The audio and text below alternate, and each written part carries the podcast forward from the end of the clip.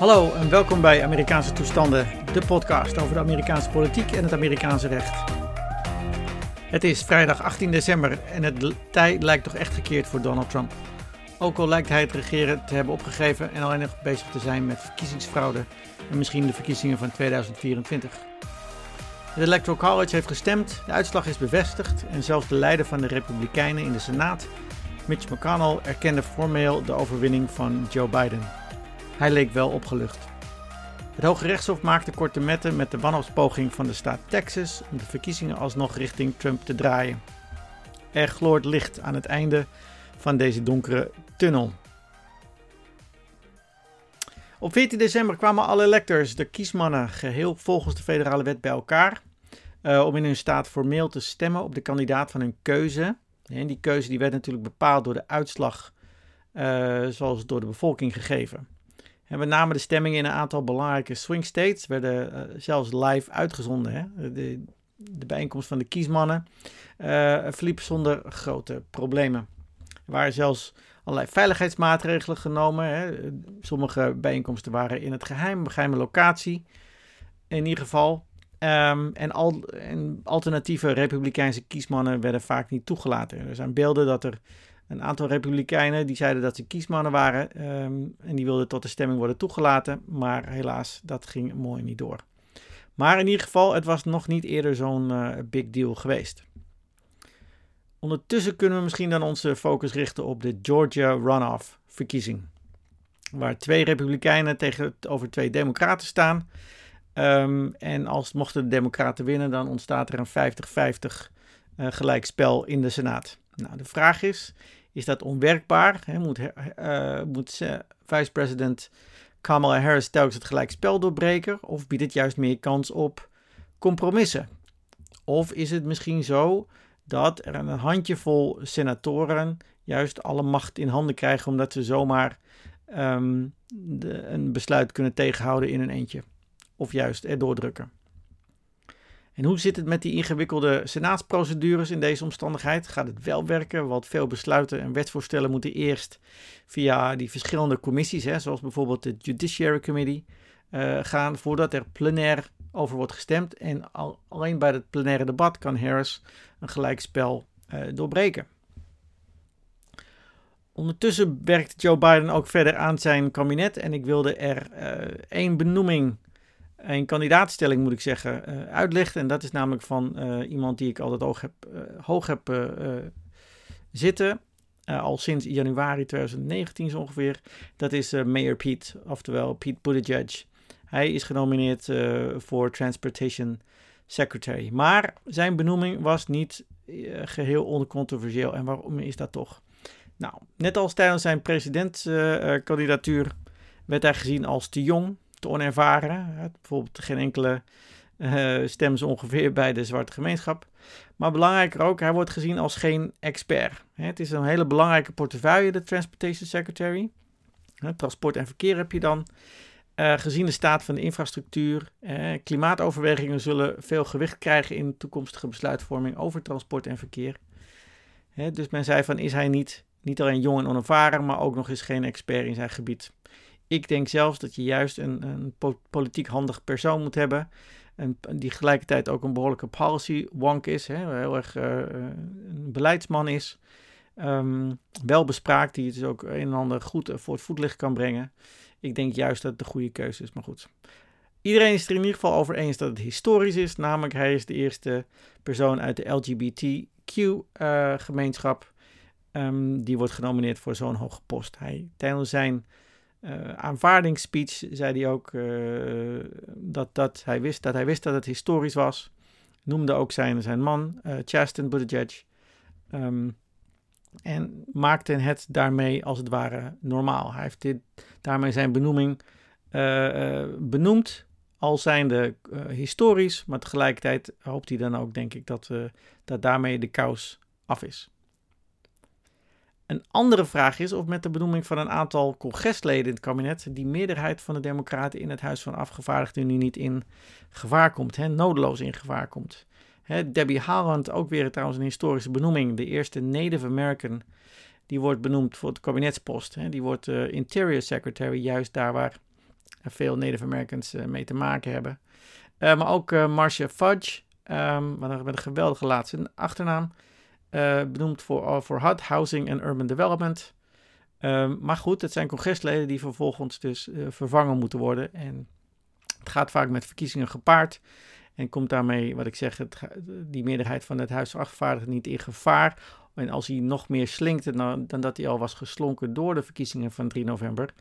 Hè, uh, krijgen dan, net als bij de Senaat, niet een aantal democraten in dit geval niet heel veel macht in handen. Denk bijvoorbeeld aan AOC, Alexander Ocasio-Cortez en, en haar squad. Uh, krijgen die nu niet heel veel macht om uh, een en ander um, nog verder naar links te trekken. Ondertussen bij het Hoge Rechtshof. In de zaak Texas versus Pennsylvania en andere swing states um, besloot het Hoge Rechtshof eigenlijk zoals verwacht. En um, zei, het, zei het Hoge Rechtshof dat Texas geen recht had om de vier swing states aan te spreken op de manier waarop zij hun verkiezingen regelen. Texas is niet ontvankelijk, het heeft er is geen standing, bijna letterlijk geen poot om op te staan, want het heeft geen uh, belang hierbij. Wat ik ook erg interessant vond, was uh, de zaken in Nevada en Kentucky, die vergelijkbaar waren met die eerdere zaak Roman Catholic Diocese of Brooklyn versus uh, Cuomo in New York, over de coronamaatregelen in New York en de manier waarop religieuze instellingen, gebouwen werden behandeld. Nou, um, die zaak was een precedent en een soort climax van een trendbreuk die al langer gaande was. Hè. Religieuze activiteiten krijgen steeds meer een uitzonderingspositie in plaats van dat er werd gezorgd voorheen in de interpretatie van de First Amendment dat religieuze overtuigingen, religieuze groeperingen juist geen uitzonderingspositie kregen. Hè. Dus de interpretatie van de First Amendment um, wordt op zijn kop gezet. Ik heb het al vaker gezet. Vergelijk het bijvoorbeeld met de Nederlandse coronamaatregelen. Bij de, de regering Rutte heeft al van tevoren uitzonderingen gemaakt uh, voor kerken en andere uh, geloofs- en gebedshuizen, juist vanwege de grondrechten. Dus um, Nederland had al lang zo'n interpretatie van de grondrechten, uh, in dit geval de vrijheid van religie, die, um, waar in Amerika nu ook blijkbaar, um, ja, hoe zal ik het zeggen, honger naar is. Ik had op Twitter weer gevraagd of er vragen zijn. Um, en jullie hebben een paar vragen gesteld, waarvoor uh, heel veel dank. Um, de eerste vraag: gaat er 6 januari nog wat gebeuren? Nou, 6 januari, dan komt het congres bijeen om um, alle lijstjes van kiesmannen uh, te ontvangen en bij elkaar op te tellen. En de vraag is of, de, of de Republikeinen zijn die nog bezwaar gaan maken, zoals dat mag bezwaar gaan maken bij eh, de verschillende lijstjes van kiesmannen. Zo bijvoorbeeld um, Tommy Tuberville, een nu net gekozen senator, de senator-elect vanuit Alabama, die heeft al gezegd dat hij eh, zo'n bezwaar wel wil maken. En er zijn ook al verschillende Republikeinse uh, afgevaardigden die hetzelfde hebben gezegd. Het is alleen politiek theater, denk ik. En de vraag is of de GOP, de Republikeinse Partij, dit intern in de kiem kan smoren. Om maar verder te gaan op de, over de, de Republikeinse Partij, werd mij gevraagd of er, geen ruimte is voor een nieuwe conservatieve partij. Dat is interessant. En ik heb het in een antwoord uh, op Twitter uh, misschien een week geleden al eerder gezegd. Er is volgens mij uh, een, een drieweg opsplitsing van de GOP mogelijk. Ten eerste de Trumpers, die um, ondanks alles Trump zullen uh, blijven volgen en zichzelf uh, conservatief zullen blijven uh, noemen. Zij zullen hun, hun weg vervolgen. Hoe groot die groep is, is natuurlijk de vraag. Ze zullen waarschijnlijk een soort van nieuwe lost cause formuleren. Die lost cause is de mythe die werd gecreëerd na de burgeroorlog in de 19e eeuw. de lost cause werd geformuleerd in het begin van de 20e eeuw, waarbij een soort wrok... Um, blijft over hoe het zuiden is behandeld tijdens die burgeroorlog, tijdens die hele um, uh, dramatische episode in de Amerikaanse geschiedenis. En een bepaalde wrok tegen het, tegen het noorden. Uh, de tweede groep zijn de, gewoon de partijloyalisten. Mensen die geboren zijn ongeveer binnen de Republikeinse Partij en altijd, no matter what, Republikeins zullen stemmen. Zullen Trump niet altijd leuk hebben gevonden, maar ze zijn Republikeins en het is hun identiteit en ze zullen daar zeker aan vasthouden. Dan heb je nog als laatste, derde groep, de conservatieve Never Trumpers. Die uh, de Republikeinse Partij en Trump inmiddels zien als een gevaar voor de democratie. En daarom eigenlijk zeggen die hele Republikeinse Partij, zoals die nu bestaat, moet um, tot op de grond gelijk gemaakt worden. Omdat ze anders de Amerikaanse democratie verloren gaat. Sommige prominente uh, Republikeinen, zoals Steve Schmidt, um, de campagnemanager van John McCain in 2008, die zelfs lid is geworden van de Democratische Partij in ieder geval zich geregistreerd heeft als democraat. Uh, omdat hij een single-issue stemmer is. Namelijk, hij wil de Amerikaanse democratie en rechtsstaat beschermen. Het is ook een beetje de reden waarom groeperingen als uh, de Lincoln Project, uh, waar Steve Schmidt ook deel van uitmaakt, blijven strijden tegen al die republikeinen, republikeinse congresleden en andere verkozen politici. Um, omdat ze willen dat het Trumpisme als het ware wordt uh, uitgebannen, uitgeroeid.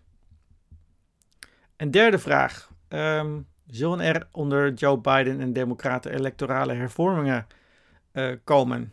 En dat wordt natuurlijk gedoeld op het bestaan überhaupt van het Electoral College, de, de kiesraad, zoals ik het in het Nederlands vertaal.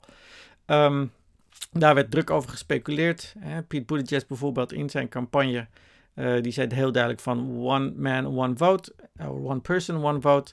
En dus moet dat electoral college weg, want het geeft te veel macht aan uh, dunbevolkte uh, staten en, en de stemmers in die, in die staten. Nou, dat is vereist allereerst een grondwetwijziging. Een driekwart van alle staten moeten dat vervolgens op een bepaalde manier goedkeuren. Het zou ook de, heel erg de invloed van de kleine staten nog meer beperken.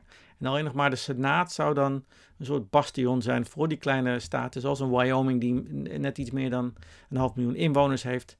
Eh, tegenover bijvoorbeeld een Californië, wat bijna 40 miljoen inwoners heeft.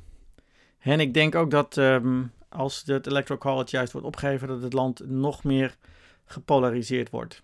er werd al gespeculeerd, ook in de Nederlandse media, door sommige commentatoren, dat het goed is dat er zo'n geografische spreiding is. Je moet als kandidaat veel meer gebieden, veel meer soorten mensen, verschillende soorten mensen aanspreken, wil je verkozen worden.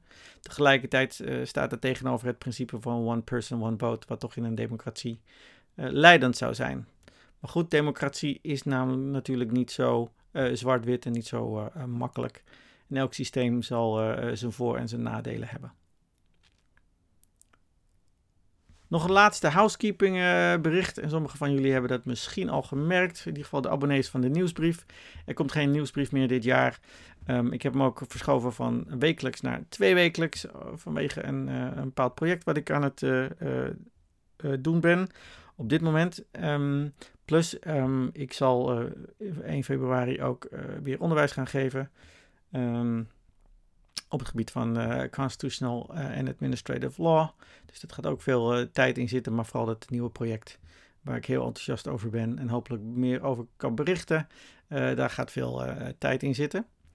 Um, dat betekent dat dit het einde van het jaar is. Een jaar waarin Amerikaanse toestanden is gestart. Met tussen hoop en vrees begon ik een podcast en een nieuwsbrief. Um, en het is met heel veel plezier gedaan tot nu toe, hoe moeilijk het ook, het ook af en toe was. Um, tussen de media optredens die ik na de verkiezingen heb mogen doen, en waar ik heel dankbaar voor ben. Met een speciale shout-out naar Laila Frank, die, um, die mij daarin geholpen heeft. In het nieuwe jaar gaan we lekker stug verder met Amerikaanse toestanden met de website, met de podcast en, met de nieuwsbrief. En hopelijk nog veel meer interessante dingen. Tot zover. Heb je wat gehad aan deze aflevering van Amerikaanse toestanden? Laat dan een review achter op iTunes, zodat ook anderen de podcast snel kunnen vinden. Wil je het Amerikaanse circus blijven volgen, maar misschien niet 24/7? Abonneer je dan op deze podcast via iTunes, Spotify of waar je dan ook luistert. Of schrijf je in voor de nieuwsbrief via Amerikaanse-toestanden.nl. Mocht je naast het abonneren al deze content verder willen steunen, aanmoedigen, dan kan je zelfs een donatie doen. Ook via Amerikaanse-toestanden.nl.